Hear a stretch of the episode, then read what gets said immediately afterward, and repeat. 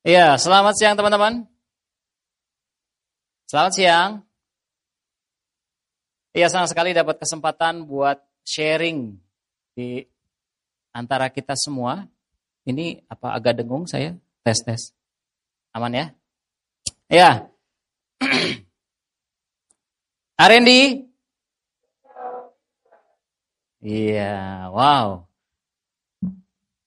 Saya percaya saya melihat eh, teman-teman uh, itu orang-orang yang siap untuk mendengarkan firman Tuhan, bukan cuma sekedar datang karena harus nulis catatan kebaktian atau tugas sekolah, tapi saya percaya kita semua di sini mau menangkap ya isi hatinya Tuhan dan siap untuk melakukannya. Nah, amin. Ya, boleh ditampilin uh, PowerPoint-nya. Hari ini kita akan membahas tentang judul ini, menyatakan otoritas dan kuasa untuk membebaskan tawanan.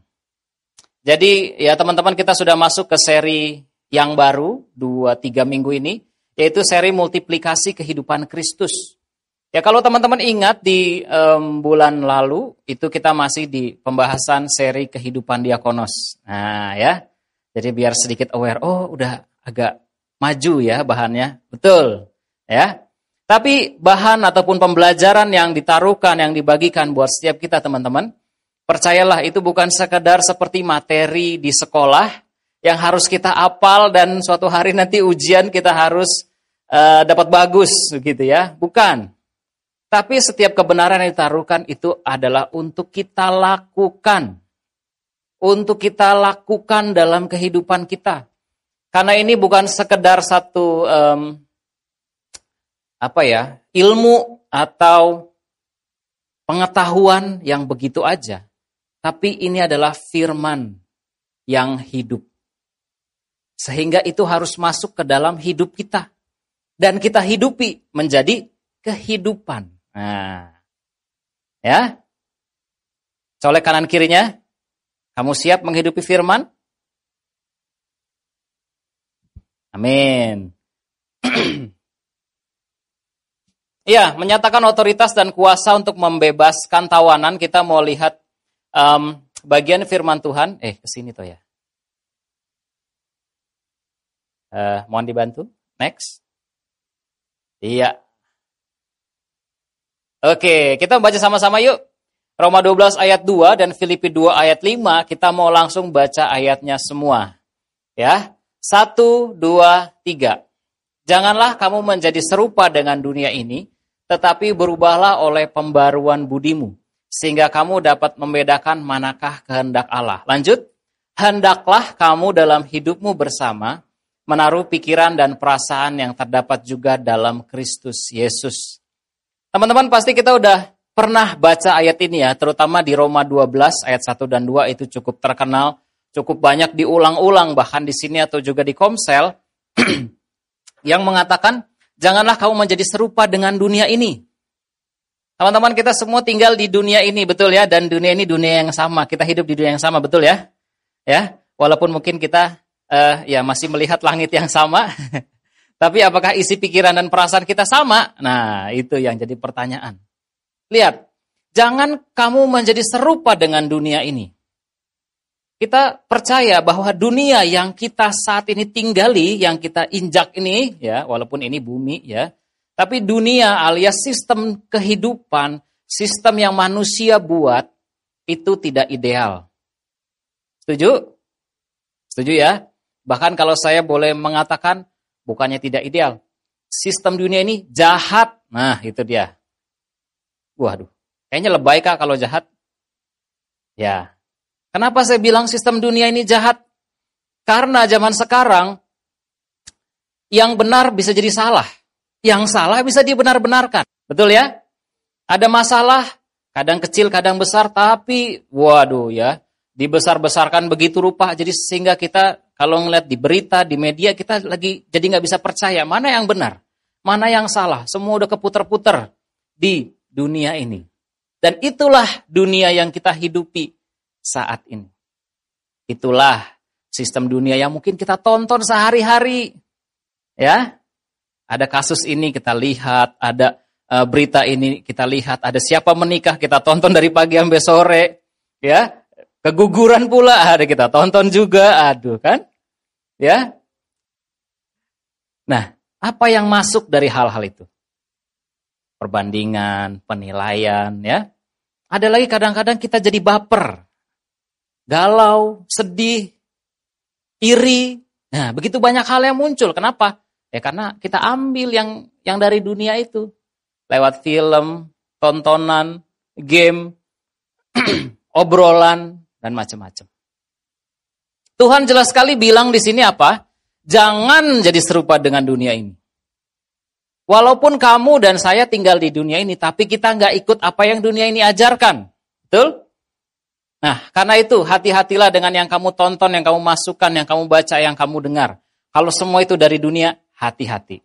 Nah, ya, bukan kebenaran yang perlu kamu ambil itu. Ya, melainkan apa?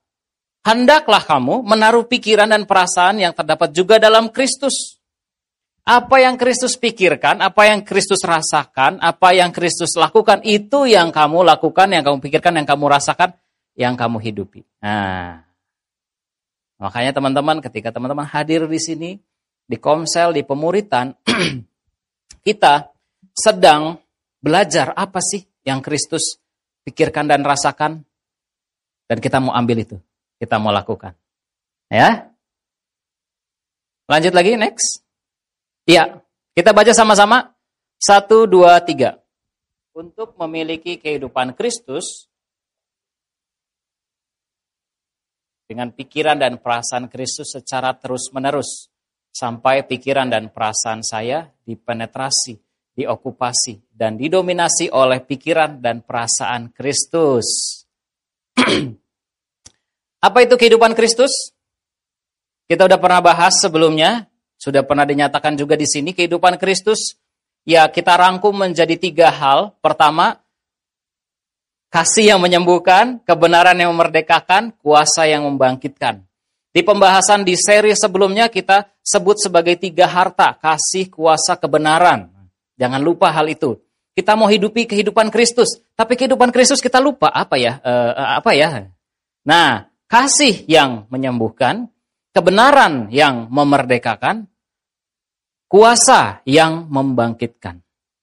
Ke mana-mana ketika Kristus ada di muka bumi ini 2000 tahun yang lalu, ketika dia melayani, dia lakukan tiga hal itu ketika dia melakukan mujizat, ketika dia pemuritan, dia lakukan tiga hal itu. Dan itulah yang kamu dan saya mau lakukan hari-hari ini. Kristus tidak ada lagi di muka bumi ini secara fisik dalam wujud manusia, tapi sekarang dia ada dalam hatimu. Sehingga hatimu, hati saya ada Kristusnya. Sehingga kehidupan kita harusnya juga melakukan kehidupan Kristus. Ya, tapi hari-hari ini kasih enggak yang dinyatakan? atau kemarahan. Ya. Kuasa enggak yang kita nyatakan? Jangan-jangan ketakutan. Kebenaran enggak yang kita katakan, hidupi? Atau jangan-jangan kebohongan dan tipu daya? Nah, kan? Dunia ini menghidupi apa yang terbalik dengan yang Kristus hidupi. Kita perlu memilih, kita mau ikut dunia atau mau ikut Kristus. Nah, karena itu, kita perlu perbaharui pikiran dan perasaan kita dengan pikiran dan perasaan Kristus secara terus-menerus supaya kehidupan Kristus itu bisa uh, masuk, bisa nyata dalam kehidupan kita. Ya, ibarat um, komputer, begitu kan? Komputer itu di dalamnya ada software, ada program. Ketika komputer itu dinyalain, dia running sistem di dalamnya, yang jalankan adalah software atau program di dalamnya, betul ya? Ya, anak IT boleh koreksi saya. ya, um, kalau softwarenya atau programnya ini sudah lemot, sudah jadul, out of date, dia sudah nggak kuat lagi, maka lemotlah ini komputer. Nggak bisa diapa-apain, betul ya? Buka Microsoft Word aja, uh, muter terus itunya ya, loading terus ya. Jangankan mau buat edit video atau apa ya, buat ngetik aja susah. Ah itu, ada yang salah dengan sistemnya. Kadang-kadang mungkin kita seperti itu teman-teman. software kita di pikiran kita nih, program kita di pikiran kita dan perasaan kita itu sudah out of date. Wah, kakak ngatain pikiran saya udah jadul. Enggak. Tapi karena pikiran dan perasaan yang dari dunia itu, itu sudah enggak relevan dengan kehidupan Kristus yang mau kita jalani. Itu loh masalahnya. Makanya kita perlu ganti, kita perlu uninstall yang lama, install yang baru. Uninstall yang dari dunia, delete, dari recycle binnya hapus juga sekalian ya. Ya, biar nggak usah di restore lagi, diangkat lagi dan install yang baru yang dari firman. Nah, kalau di komputer kan gampang ya, klik klik hapus, klik install gitu. Nah, tapi dalam kenyataannya kita perlu terus-menerus terus-menerus. Kenapa? Karena udah begitu banyak yang dari dunia yang kita masukin sengaja atau nggak sengaja. Udah begitu banyak hal yang nempel di pikiran dan perasaan kita. Sehingga ketika kita running hidup ini, saya sekolah, saya kuliah, saya kerja, sistem yang gerak itu di dalam itu sistem yang dari dunia. Begitu ngelihat muka dosen kita, muka teman kita, terus mukanya nggak enak, langsung kita punya perasaan. Waduh, jangan-jangan dia nggak suka sama gua. Ya, padahal yang mungkin dia lagi sakit aja. Nah itu banyak asumsi, penilaian, banyak pikiran negatif. Kenapa? Karena udah banyak masuk hal-hal dari dunia. Beberapa waktu ini saya ketemu cerita dengan orang-orang yang katanya ada depresi, ada lagi yang overthinking, ada lagi yang stres, begitu. Dan makin ke sini makin banyak yang kayak gitu. Mungkin kamu juga mengalaminya di tempat ini atau yang lagi online. Mungkin, mungkin. Tapi ketika saya dengar ceritanya, kok makin banyak kasus yang kayak gini ya. Nah itu, karena dunia ini, ya begitulah, ketika kita ambil yang dari dunia, kita sendiri kadang-kadang nggak bisa konten itu. Ketika dia ambil yang dari keluarga, dari mana, dari mana, itu bukan kebenaran yang dia ambil, dia sendiri jadi bingung, jadi takut. Informasi, apalagi berita, informasi, berita, ilmu pengetahuan itu sebenarnya netral, teman-teman. Tapi ketika kita nggak siap nerimanya dan kita nggak punya kebenaran dalam hati kita, kacau kita. Yaitu takut, ya kan? E, baper, galau, bingung, marah, semua campur aduk. Tapi ketika kita ambil yang dari firman, di situ ada kebenaran. Ya, di situ ada kesembuhan. Nah, makanya ya Jangan lagi lihat, jangan lagi tonton yang nggak perlu dilihat. Ya, saya kenal dengan seseorang yang kalau mau pipis malam-malam takut. Dan beberapa orang yang seperti itu saya lihat. Kenapa? Karena waktu kecil banyak nonton yang horor. Udah gitu, udah takut, terus masih nonton juga. gitu. Nggak apa-apa kak, karena ini cuma film. Habis itu takut lagi. Jalan malam-malam keluar dari komplek, gelap-gelap nggak ada lampu, takut. Kan konyol. Padahal kita lagi ngomongin tentang kuasa. Tapi ngadepin gelap dan malam aja takut. Ya. Ya kalau itu teman-teman ada di sini yang seperti itu bertobat, ya. Oke, lanjut. Firman Tuhan yaitu pikiran dan perasaan Kristus, pikiran dan perasaan Kristus ada dalam firman, betul ya? Itu harus sampai mempenetrasi, mengokupasi, dan mendominasi pikiran dan perasaan saya. Penetrasi artinya masuk, tembus, nah gitu ya. Apakah firman Tuhan masuk ke dalam pikiran dan perasaan saya? Atau cuma masuk kuping kanan keluar kuping kiri? Apa cuma masuk di ya aku dengar, aku tahu, ya sudahlah. Lewat begitu aja? Nah, itu pertanyaan buat kita. Harus sampai masuk ke pikiran dan perasaan kita. Ya. Kadang-kadang kita kalau lihat orang tertentu kan dari mata turun ke hati ya.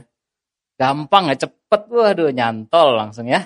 Tapi kalau firman tuh nggak turun-turun kadang-kadang ya. Nah itu kita perlu latih. Supaya firman yang kita baca nggak cuma di sini aja tapi masuk ke dalam. Terus, nggak cuma masuk, mengokupasi, mengoccupied, mengisi, memenuhi pikiran dan perasaan saya. Dan terus mendominasi, artinya menguasai hidup saya, menguasai pikiran dan perasaan saya.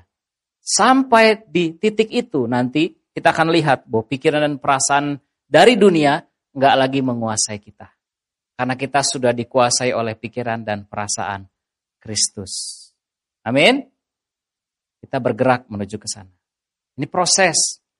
Ya, tapi kita perlu jalani teman-teman. Ya. Oke. Kebaca nggak dari belakang? Masih bisa ya? Oke. Uh, yang dari belakang jereng-jereng sedikit nggak apa-apa. ya kita baca sama-sama 2 Korintus 10 ayat 4 sampai 5 dengan suara yang keras 1 2 3. Karena senjata kami dalam perjuangan bukanlah senjata duniawi, melainkan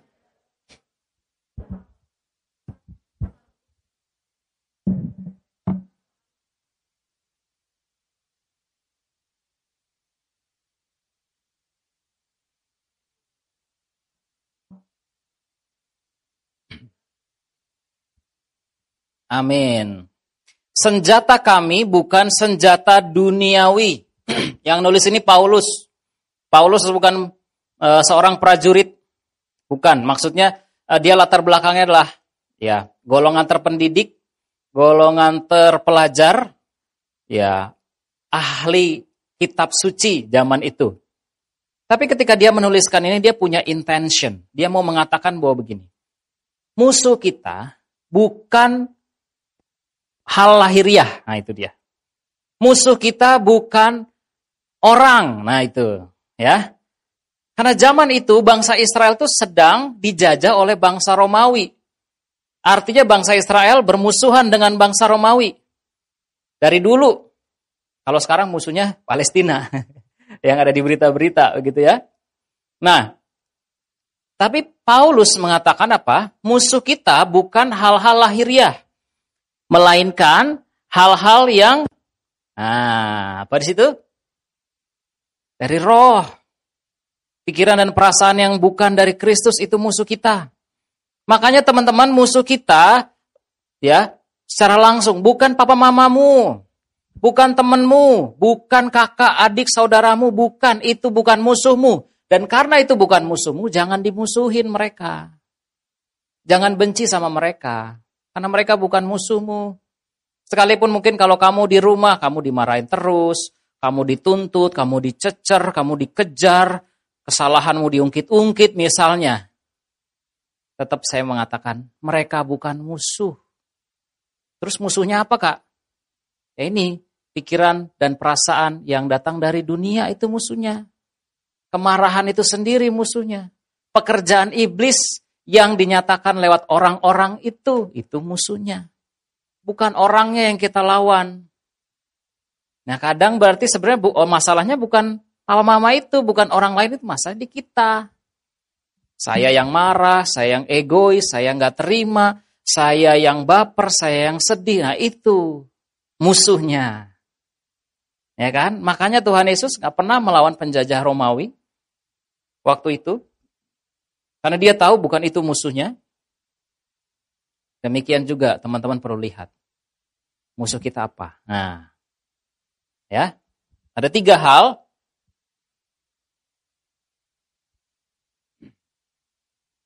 Ya, tiga hal yang kita rangkum menjadi ya yang muncul di situ.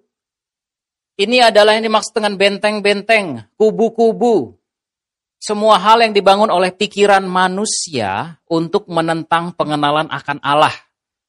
Ini apa? Asumsi, penilaian, kesombongan, terus apa? Pikiran jahat atau pikiran ego. Nah, itu kan di mana?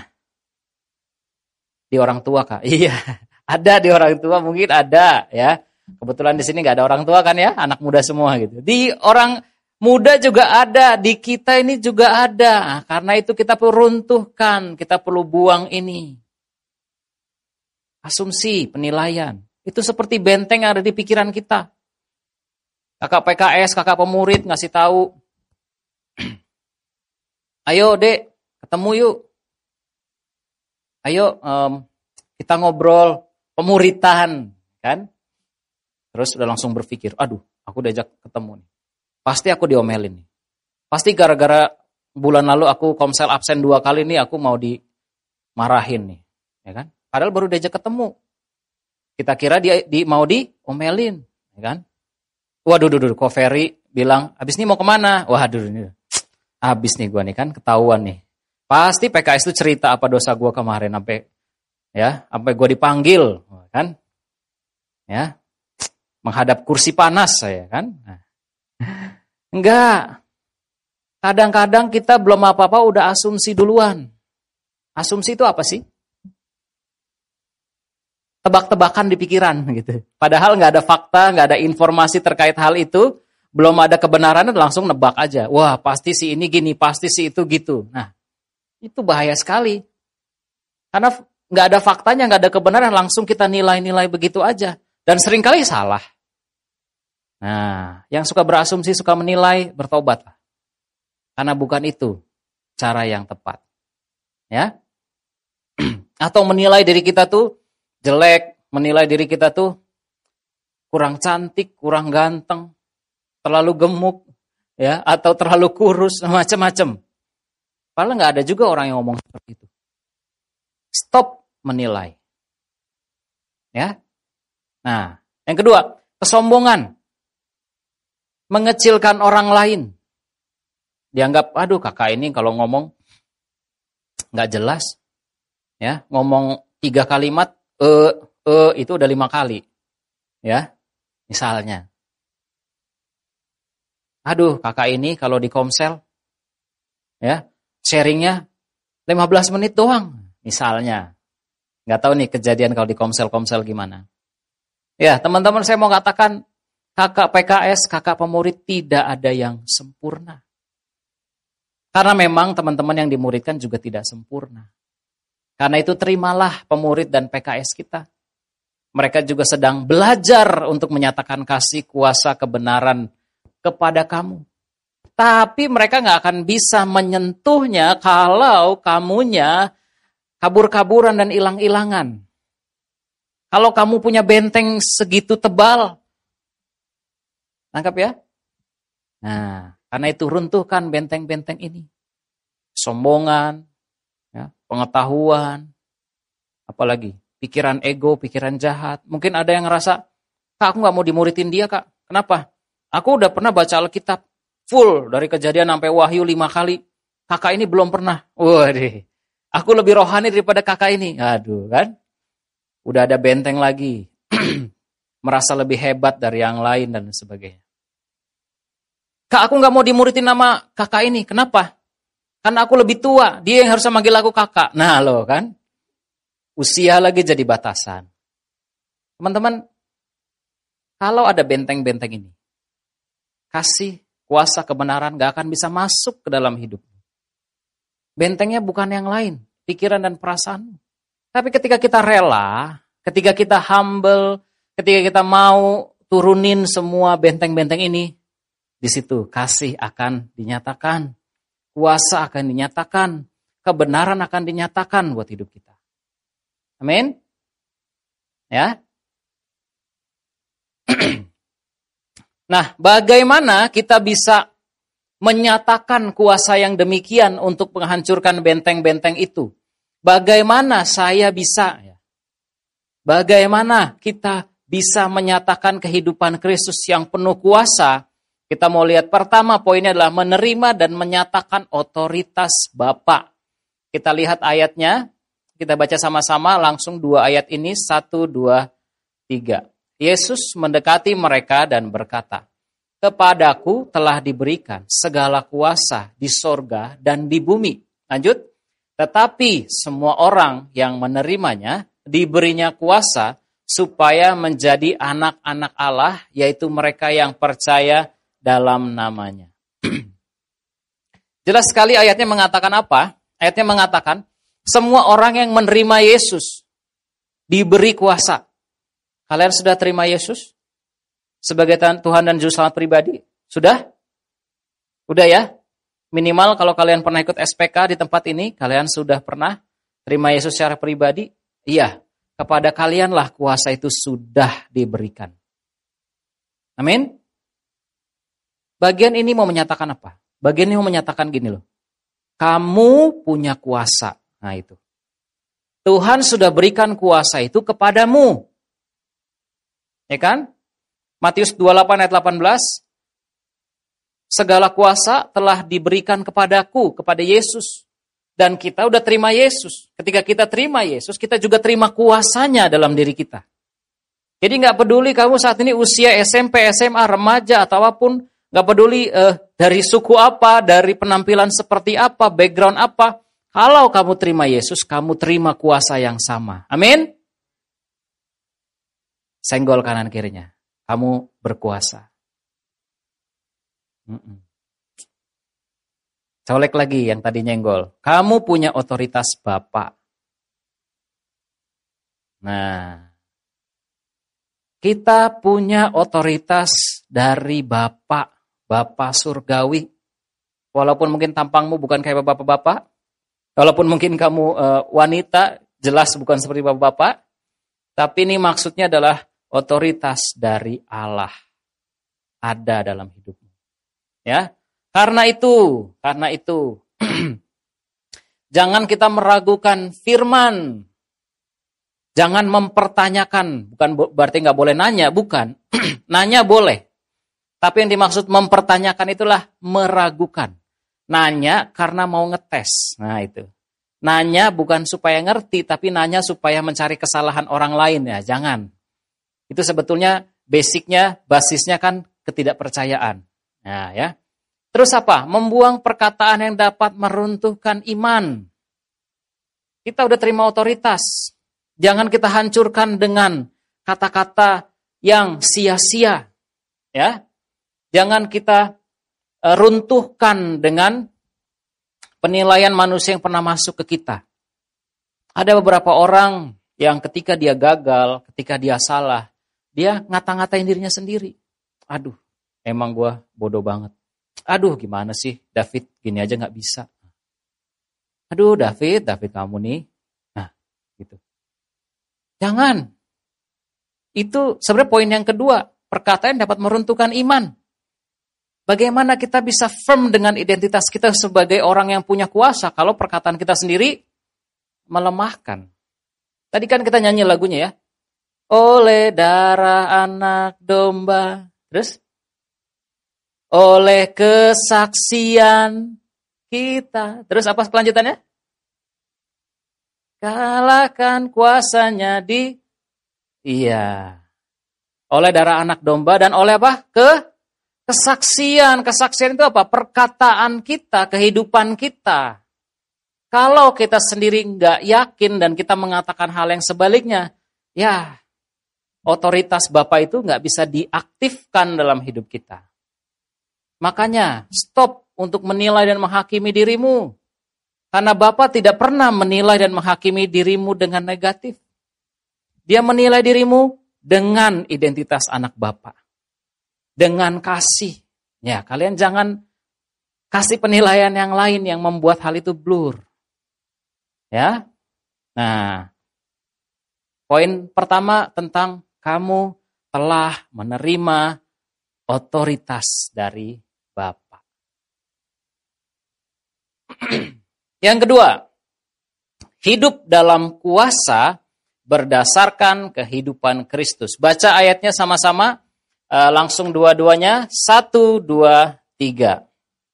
Setelah Yesus mengakhiri perkataan ini,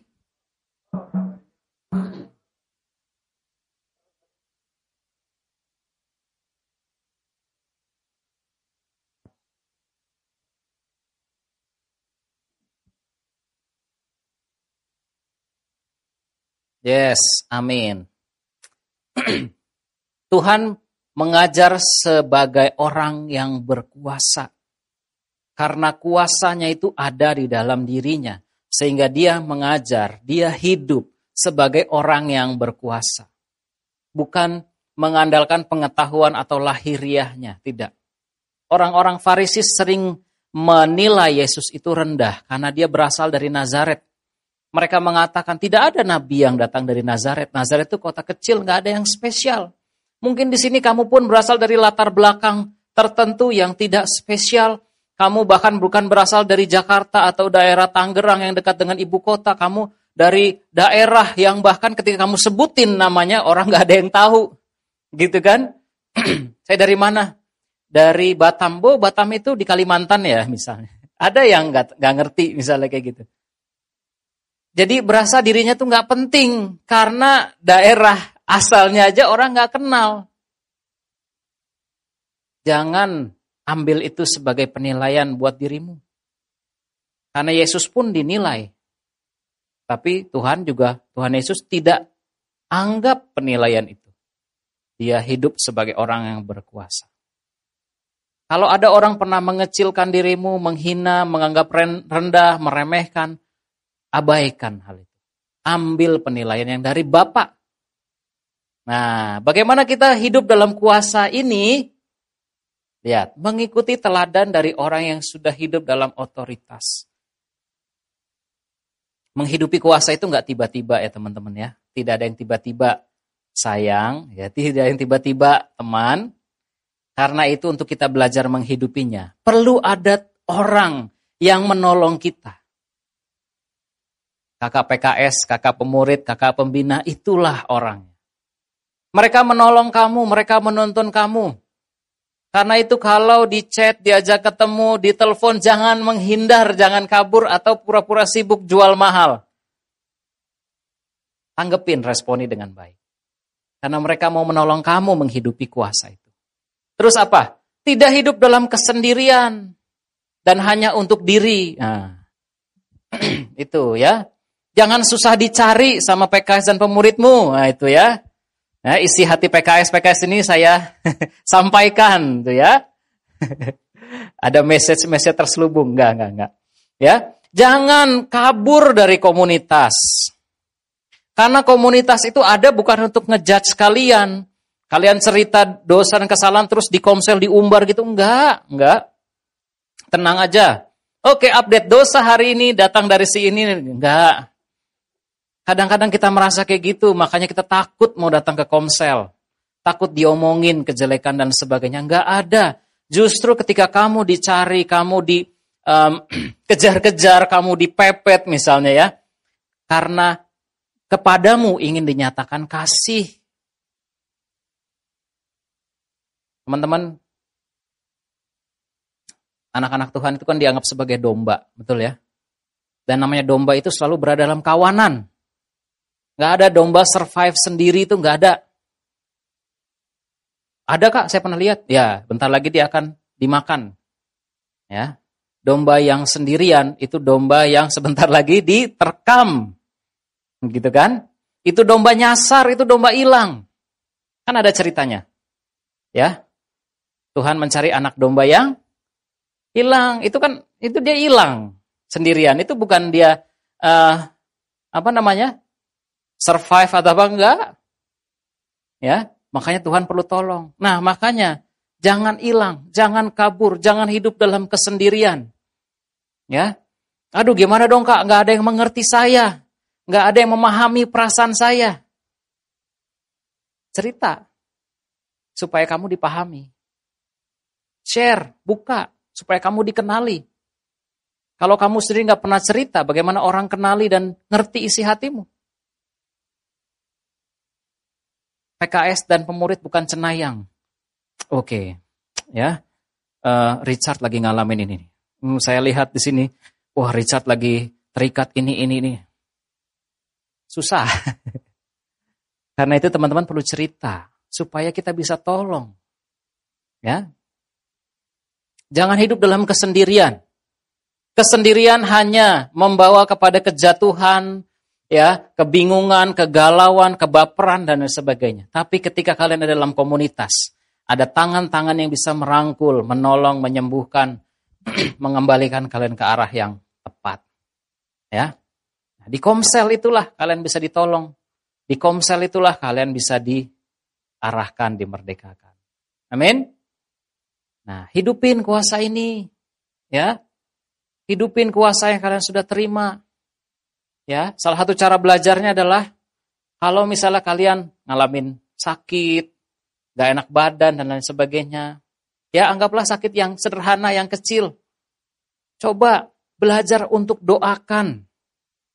Ya, ada teman yang sakit belajar untuk doakan. Ya, belajar untuk minta didoakan.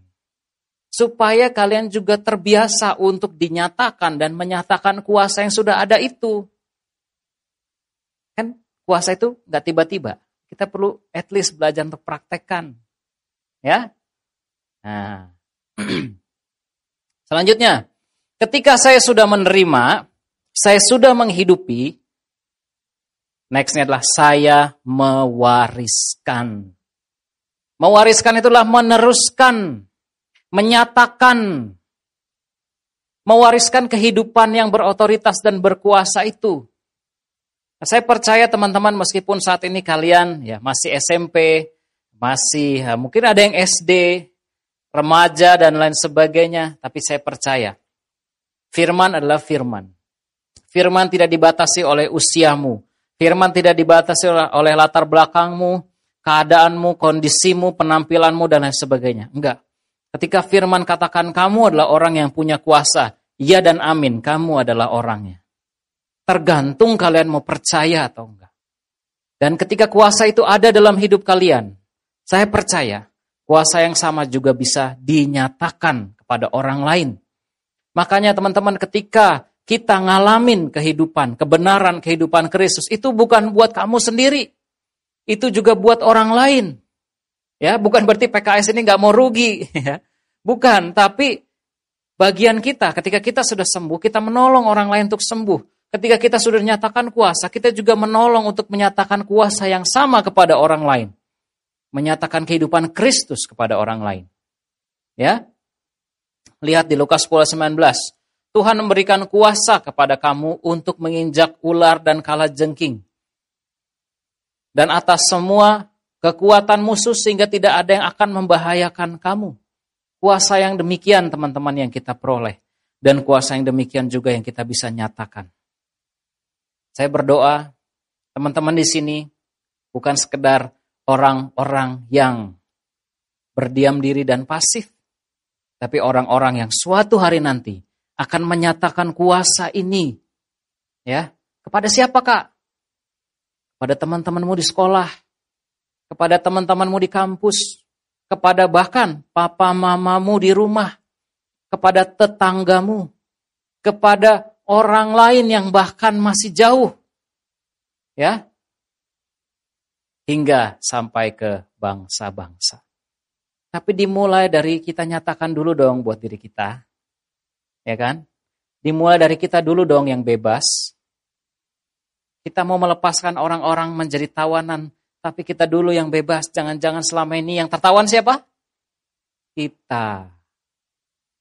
Ya. Oke, baca statement ini.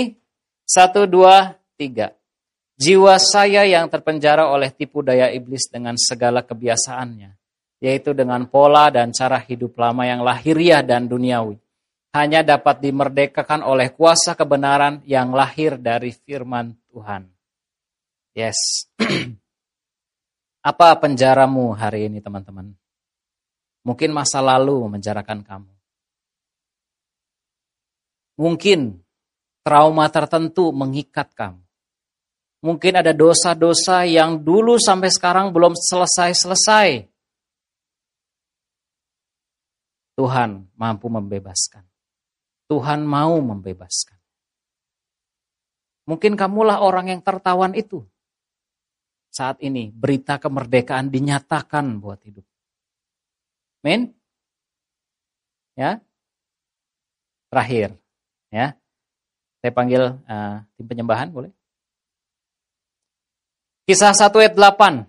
Tetapi kamu akan menerima kuasa kalau Roh Kudus turun ke atas kamu dan kamu akan menjadi saksiku di Yerusalem dan di seluruh Yudea dan Samaria dan sampai ke ujung bumi.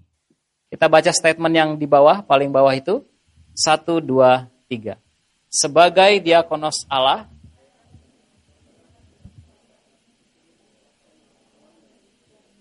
dan penjara yang mengikat dan membatasi hidup mereka. Amin. Ada kemerdekaan hari ini buat kita. Ada berita yang luar biasa buat kita dengar hari ini bahwa yang tertawan akan dimerdekakan. Yang tertawan akan dilepaskan. Yang selama ini terikat bertahun-tahun berjuang untuk keluar. Ada kemerdekaan di. Ya. Mari kita bangkit berdiri.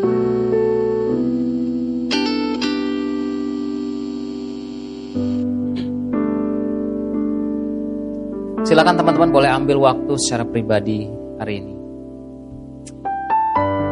Tutup matamu, tundukkan kepala. Kita boleh ngomong sama Tuhan. Tuhan, ini yang aku masih terikat Tuhan. Pornografi dan masturbasi. Udah bertahun-tahun mau lepas, gak bisa. Game, udah sekian banyak episode gak lepas-lepas apa pun itu saat ini. Kamu boleh nyatakan sama Tuhan secara.